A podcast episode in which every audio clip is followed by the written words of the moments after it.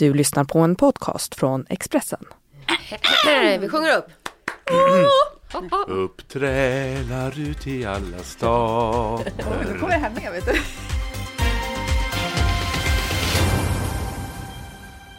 Arbetarrörelsens stora dag, men varthän tågar vänstern? Finns det en väg ur återvändsgränden ens? Allt kan hända och Per Bolund ska inte känna sig för säker, hävdar företrädare för Miljöpartiet. Men kan prästen från Växjö utmana i språkrörsvalet? Make EU lagom igen. Vadå lagom? Hur tänkte KD i valkampanjen? Ny vecka, nya politiska krumbukter och ett nytt avsnitt av Politikpodden. Idag har jag, Malin Ros, med mig i studion Anna Dahlberg, politisk redaktör på Expressen. Hej Anna! Hej. Och opinionsbildaren och S-debattören som enligt en tidningsrubrik här förleden fyllde 40 och har varit förbannad i 20. Och det var ändå en sanning med modifikation, för jag har egentligen varit förbannad i typ 37. Men det låter så konstigt att säga det, så att eh, 20 lät lagom. Välkommen Daniel Suhonen. Tack. Du då, vad är du mest förbannad på just idag Daniel? Idag är jag ganska glad, men, eh, nej, men jag tycker att det här med, som fler och fler lyfter fram, det här med liksom att vi har så många utmaningar i Sverige som vi måste lösa. Och så har politikerna, faktiskt både Socialdemokraterna och de borgerliga partierna, på något sätt låst fast i något sorts liksom 90-talsproblem, nämligen att vi hade en jättestor statsskuld och vi lånade för mycket pengar. Och så är hela politiken inriktad att lösa det problemet, men inte att vi inte har tåg som går i tid, att 12 procent av barnen går ut i grundskolan utan behörighet till gymnasiet. Det är ju en jättekostnad vi får i samhället om inte barnen lär sig grejer. Mm, vi ska grotta ner oss massa mer i problem. Eh, men först då, var på upprörande skalan placerar sig Göran Persson, ordförande i Swedbank? Jo, men alltså, det är ju så här att Göran Persson är en jätteskicklig person, så det är inget problem med det. Men det blir ju någonting med de här äh, sossepamparna som, ehm, ja, nu blir de direktörer också. Det har ju Göran Persson varit ett tag. Och Sundström också, och Stern och Nuder och allihopa. Men det är klart att eh, om vi kommer in sen på arbetarrörelsens läge så är det om den viktigaste kännetecknet av en socialdemokrat är att de ser ut som en direktör så är det kanske inte så konstigt om arbetarna röstar på någon annan. Mm. Anna, du ska få komma in här också. Vi ska bara höra hur eh, ödmjukhet kommer bli viktigt, eh, slog man fast idag när, när namnet dök upp här för Swedbank. Och eh, vi kan lyssna lite bara på hur det har låtit i just den grenen tidigare.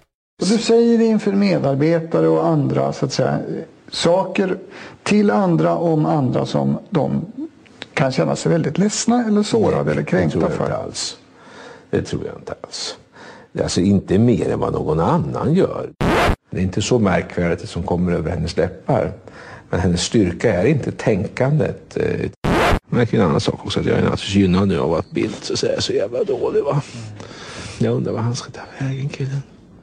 Jag undrar vad han ska göra. Vart ska killen ta vägen, Anna Dahlberg? Vart ska Göran Persson ta vägen? Kungen av härskarteknik ju. Ja, verkligen. Nej, men man, man blir ju lite glad av att höra på honom. Jag tycker det är något intressant med det här suget efter Göran Persson. Vad står det för egentligen? Det är lite som suget efter Leif GW. Det, Politikens GV. Ja, precis. Det är någon som är otroligt stark och säker, starka karn på något sätt. Eh, Det är någonting där. Jag kan själv känna ett sug på vad Göran Persson ska säga och sen när han väl säger någonting så blir jag ganska besviken därför att det är konstiga saker som att vi ska ha samma kommunalskatt i hela landet eller drastiskt höja pensionsavgiften eller något annat som, som vore eh, väldigt galet. Eh, Men det är någonting. Det, det finns en liksom ängslighet och fladdrighet i debatten och då är det det här någon som ändå varit med länge, någon som vågar sätta ner foten, någon som vågar vara kontroversiell. Men tänker du och- för Swedbanks del då, att det skulle vara ett strategiskt smart för att han, för att han vågar göra det? Ja, men jag kan tänka mig varumärkesmässigt att det, det blir ändå man vänder blad så att säga här rejält. Men sen är det klart att uppgiften så kommer ju vara att de kommer, Swedbank kommer vara jagade av amerikanska myndigheter, Finansinspektionen och, och liknande. Eh, där kanske ödmjukhet och en, kanske mer av en torr jurist skulle vara någonting, lite eh, som Svenska Akademin har löst det hela. Mm. Daniel Suhonen, det är ju ändå en tid när sossarna har en rätt så sargad själ. Kommer det här kanske inte förbättra läget precis? Alltså, nu hoppas jag att Socialdemokraterna inte är så insnärjda i den här Swedbank-historien att liksom deras eh, aktiekurser går parallellt. Även om det kan se ut så för, för oprövade ögon. Nej, men Göran Persson har ju en väldigt speciell Jag tänkte att han kan ju vara ett pekfinger i magen på kapitalismen. Eh, det är kanske det de har tänkt nu, liksom, att det kommer bakvägen här, att han liksom eh, tar i med hårdhandskarna. Nej, men han har ju någonting speciellt. Han har ju någonting med att han, precis som Anna säger, alltså, vi, över världen så har vi dels den här populistiska vågen eh, på olika kanter. Men vi har också den här jakten efter en stark man. Eh, Duterte som avrättar knarklangare i, i Filippinerna och Bolsonaro i Brasilien och eh, Trump och så vidare, och Orban och alltså vårt oerhörda behov av att eh, ha en, sån här, en, en karakar som, som man på något sätt vet, han kommer alltid komma ner på fötterna. Mm. Liksom. Han kommer vara ett jävla svin kanske, det tycker inte jag Göran Persson är. Men jag tror att man har, på något sätt i den här strömningen, så det spelar ingen roll att han är oförskämd. Och Trump är ju extrem på det sättet, men vi har Netanyahu, och vi har liksom ett, en, en, en, en, en lång rad sådana här karakarar som vi, jag tror många av oss trodde var, hade passerat. Alltså, det finns nog många, både män och kvinnor, som är skithögar och säger elaka saker och är, ja men som Nixon på de här tejpen, liksom, pratar om sina kollegor och motståndare och fiender. Men det fanns väl ändå någon sorts tanke att den där värsta sexismen, eländet på något sätt, dumheter skulle på något sätt tryckas tillbaka. Men det verkar snarare komma, komma igen här. Och det, som Anna också säger, vad betyder det? Ja, men det är någonstans, jag tror att vi, många av oss, de som har det rätt tufft i samhället, men också många i medelklassen, har det ganska kämpigt alltså. Jag hörde faktiskt en, en, en person sitta typ på Bistro Syd, som inte är en billig krog på Söder. Södermalm, ja. På Södermalm. Klaga över hur dyrt det var att handla på ICA. Alltså, och jag reflekterade över att jag själv tyckte att det hade blivit lite dyrare i matkassen där. Äh, medelklassen har det bättre än Medelklassen någonsin. har aldrig haft det bra. Nej, men, jo, men samtidigt är det här att väldigt stora grupper trycks ju ur medelklassen. OECD-siffrorna här, alltså det finns en press liksom. Eh, och jag tror att, att eh, det finns en otrygghet som har kommit tillbaka. Och de här starka männen som dessutom kanske då pekar lite bakåt i historien. Det var bra förr. Eh, de flesta gillar ju inte Göran Persson på 90-talet när de hade chansen. Nej, han var ju på, på många sätt, bortsett från att han eh, sanerade finanserna väl, så var han ju ganska eh, blek och mot slutet så hade han, ja, men skafferiet var tomt på idéer. Alla var ju trötta på Göran Persson, men nu är det ett enormt sug. Och också intressant i kontrast då faktiskt med Fredrik Reinfeldt som det finns väldigt litet sug ja, men Han snackar han... ju ingenting heller. Göran Persson, när han får en mix så vågar han ju åtminstone säga någonting om inrikespolitiken. Ja, och det är väl också det eh, om man inte ska överdramatisera betydelsen av det hela, så är det väl lite det. Någon som säger någonting, någon som vågar sticka ut Någon som vet lite. allt. Eh, ja, det är det han kanske inte riktigt gör, men det, det är, lite, det är lite festligt. Eh, hörni, det eh, börjar bli dags för arbetarrörelsens stora dag, första maj. Om vi går tillbaka till 1940 så eh, var det ungefär 53 procent av Sveriges väljare som röstade på Socialdemokraterna. Nu kommer vi från en höst och ett val som är det sämsta för Socialdemokraterna på 100 år. Så då undrar jag, Daniel Suhonen, hur, hur, relevant är det med det här demonstrationståget? Hålla på och liksom sy ihop massa organisationstimmar hit och dit för ett sånt här mega-arrangemang. Om man vill någonting, om man vill protestera mot klassklyftor, om man vill förändra samhället, om man vill genomföra reformer, om man vill protestera eller liksom demonstrera, då är ju första maj och även 8 mars och andra liknande sådana dagar väldigt relevanta. Men om man inte vill det, om man bara vill sitta där, sitta kvar, inte göra någonting. Man tycker nästan att det är lite jobbigt om medlemmarna till och med ens eget parti har någon åsikt om någonting. Nej, ska vi ha kongress nu igen? Högsta beslutande organet. Låt oss ta bort alla beslutsfrågor och bara ha liksom en trevlig gathering som inte ens är så trevlig. Alltså, jag tror att problemet här är ju jag menar, första maj har haft upp och nedgångar tidigare i historien. Den hade en jättekris på 50-talet. I slutet på, början på 60-talet ställde man in tågen. De hade bilkorteger för det var så lite folk och de orkade inte gå. Alltså det låter, och sen kommer 60-talet. Så att precis, alltså, det där, eh, det är den politiska relevansen. Det är liksom viljan till protest.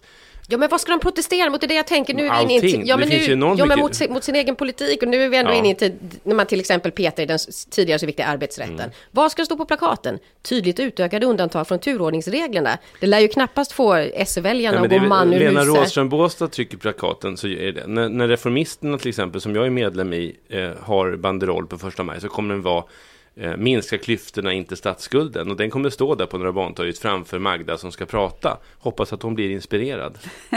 Ja, nej, men det här blir ju den märkligaste första maj någonsin. Vad ska det stå på plakaten som sagt var? Det, jag roade mig att läsa den här blind, eh, flammande appellen som Stefan Löfven skrev inför första maj förra året. Och då, då attackerar Moderaterna med de här orden. Deras politik leder till lägre löner, högre hyror och de vill göra det enklare att sparka anställda.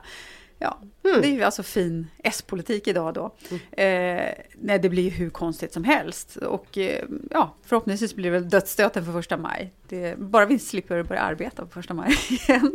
Daniel, det replik. Nej, Men jag tycker ju om första maj.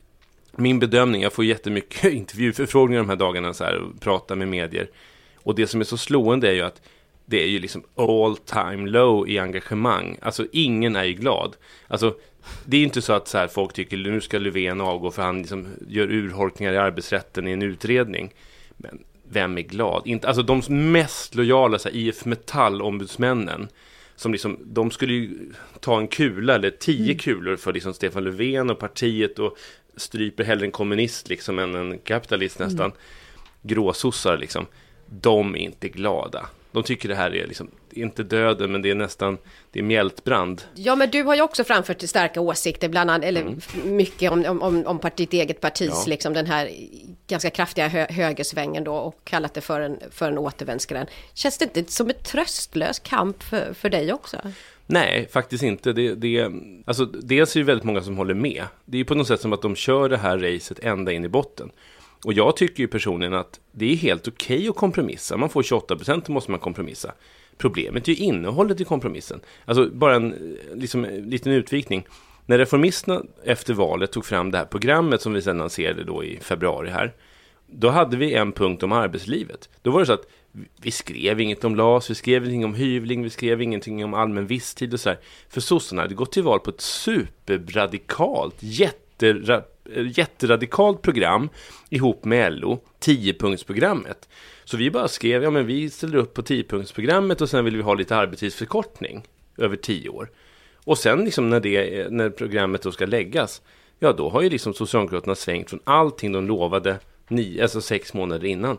Det är ganska magstarkt alltså. Nej, men det är ju en sak politisk harakiri i det här för, för socialdemokratin. Ehm, Allt som man har pratat om de senaste åren, att eh, skattesänkningar urholkar välfärden och nu fortsätter man att sänka skatter och, och att de höginkomsttagarna får, eh, får behålla eh, mer än andra. Nu ska man ta bort värnskatten, vilket jag naturligtvis välkomnar. Men eh, arbetsrätten då som sagt ska urholkas och snart ska Arbetsförmedlingen privatiseras. Det är väldigt, väldigt radikal högerpolitik för att, för att komma från S. Och det gör ju att då har bara S ett alternativ och det är att köra de här enorma övertonerna om att man räddade demokratin i princip i Sverige.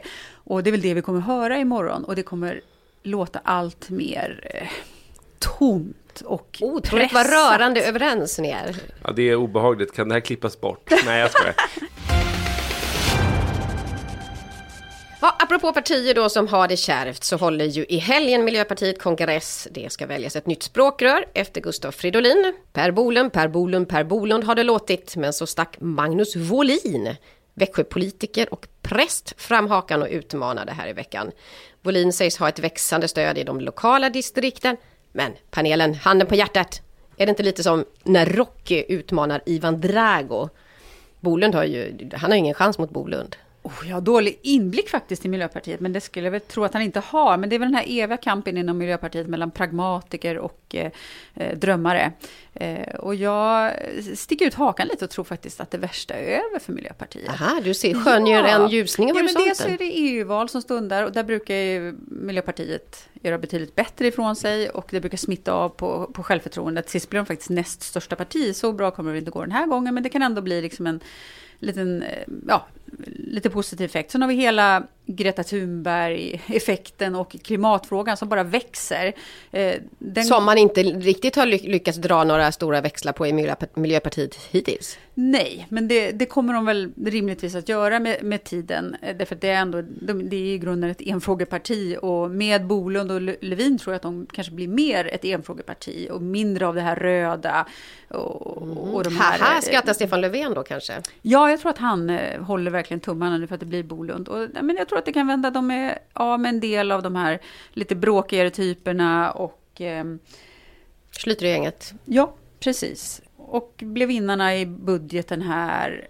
Och som sagt, klimatfrågan kommer inte ge med sig. Man ser runt om i Europa att eh, gröna partier har medvind. Mm. Nu ska vi inte för, inte för att vara tjaskig, men taskig, men eh, det dryper inte av karisma från Per, per Bolund. Hur, hur stor roll spelar det, Daniel? Jag vet inte. Jag tror att i grunden handlar om partiet har en politik. Sen är det väl så här att eh, personlighet och karisma och vältalighet och så det är ju på marginalen väldigt viktigt. Men man kan ju se att den kanske mest skickliga eh, partiledaren Jan Björklund på att prata och debattera. Och rolig, han är ju rolig på riktigt liksom. Han, han eh, har ju haft måttlig framgång med det. Men han har kanske samtidigt, hade han varit tråkig så hade de kanske hamnat ur riksdagen redan förra gången.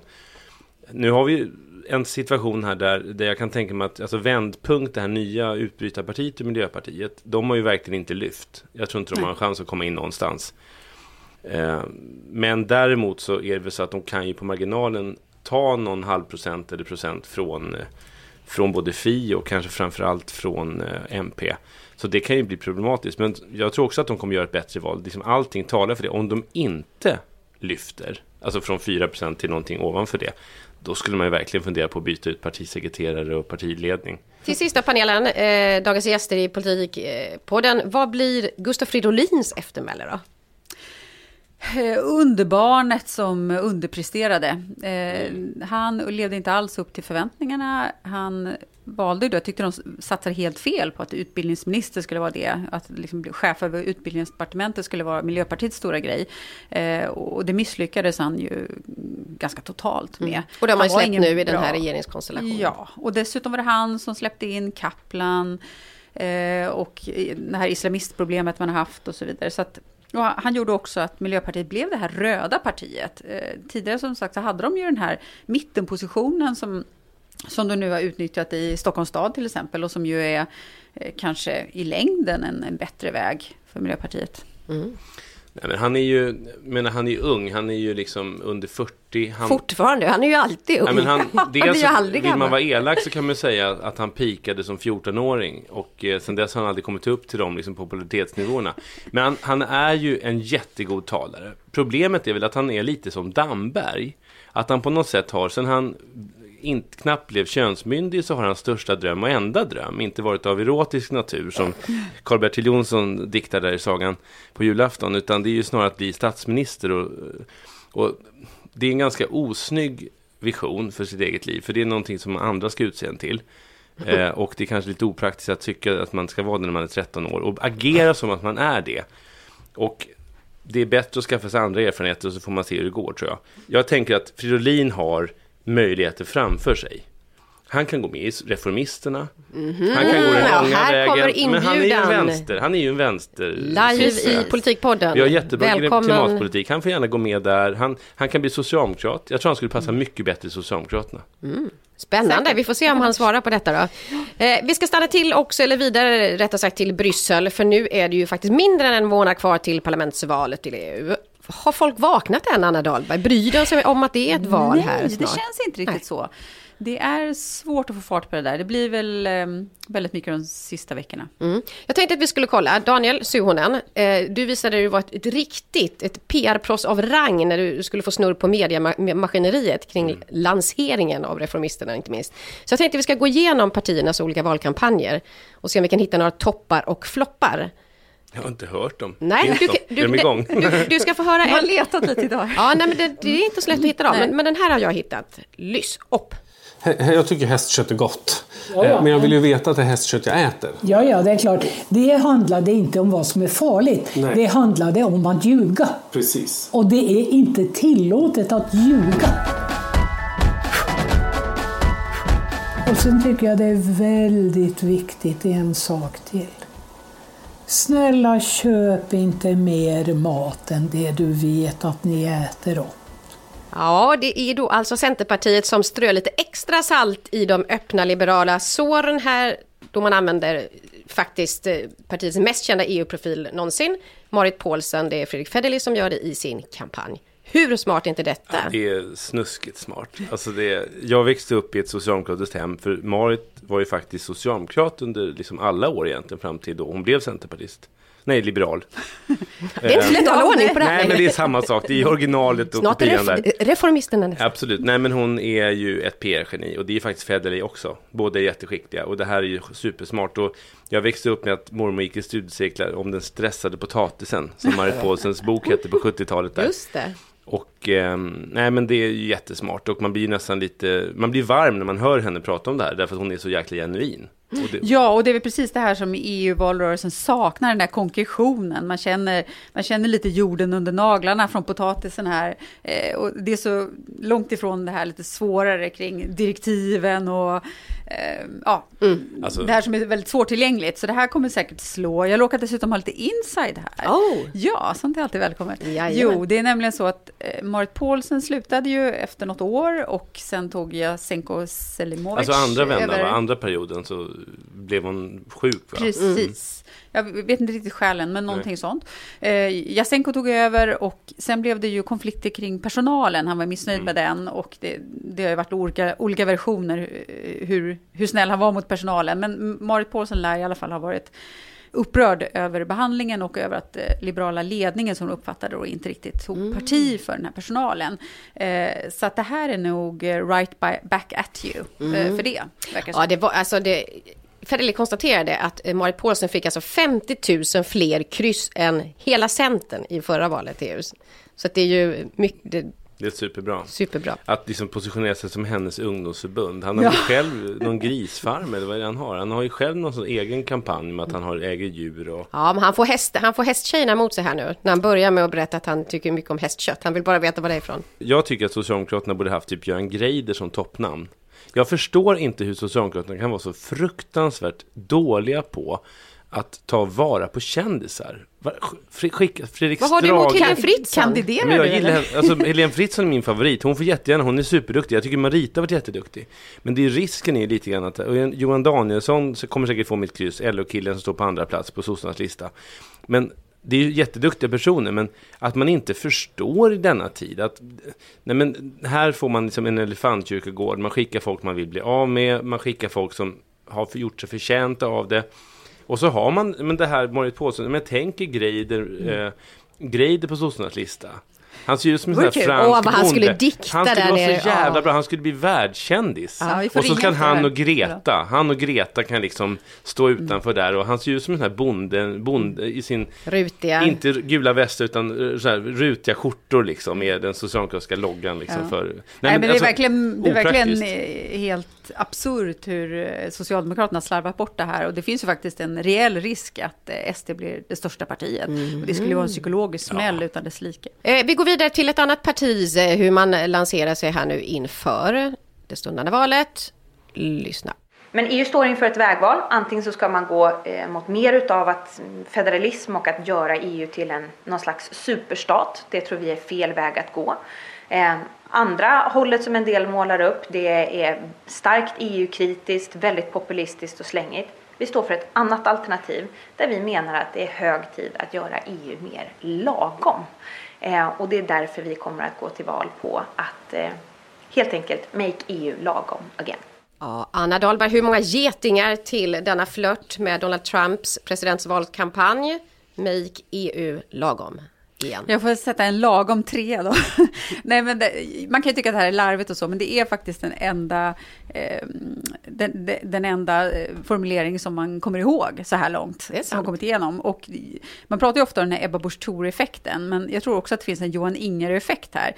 Det är en ganska smart högerprofil som är polyansvarig här med mycket USA-koppling. Eh, och här tycker jag man kan ana hans eh, är lite lagom provocerande. Och sen så försöker man täcka över det här att Kristdemokraterna går till val utan något budskap egentligen. Ska vi bara hinna, hinna bara sammanfatta också med, med eh, AFAS, höll jag på att säga, EU-kampanj. Nej, men Vänsterpartiet. När de lanserade sina valaffischer då så syntes en person som bar en tröja som gjorde just reklam för vänsterextrema våldsorganisationen Antifascistisk aktion. Det var stilpoäng på den. Jag blir faktiskt genuint förbannad. Därför det är det här återigen, det fina våldet, när det kommer från den kanten. Att de inte säger att herregud, det är klart vi tar bort de här valaffischerna. Eh, det här är ju en extremistisk, antidemokratisk rörelse. Och jag menar, bara tanken på att Sverigedemokraterna skulle ha valaffischer där, där det finns någon som har en NMR-tröja på sig. Liksom vilket liv det skulle bli kring det. Det här eh, tycker jag, jag har ofta försvarat Jonas Sjöstedt och hans ledarskap, men det här tycker jag är svagt. Mm. Daniel Suhonen får avsluta ja, denna Det är ju en miss naturligtvis.